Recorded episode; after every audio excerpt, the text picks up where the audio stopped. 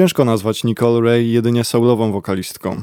Od końca lat 90. Nicole przeszła długą drogę i pokazała nam wiele twarzy. Od debiutu przy boku Missy Elliott na płycie Supa Dupa Fly przez pięknie zaśpiewane interpretacje utworów Wu-Tang Clanu do współpracy z Leonem Michaelsem i zwrotu w stronę klasycznego soulu. To właśnie w tym duecie Nicole jako Lady Ray prezentuje się w sposób najbardziej bezpośredni. Spokojne akustyczne brzmienia w stylu Stax Records, opatrzone wokalem, który z jednej strony jest bardzo współczesny i klarowny, ale kryje się w nim gospelowa potęga i surowość.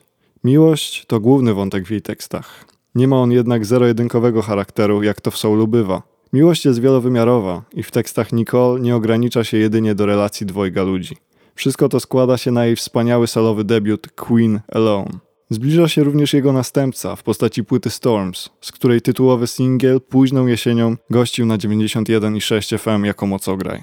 Ten album ma być odrobinę śmielszą fuzją klasycznego soulu z bardziej współczesnymi brzmieniami. Długo wyczekiwany powrót wspaniałej artystki jest już coraz bliżej.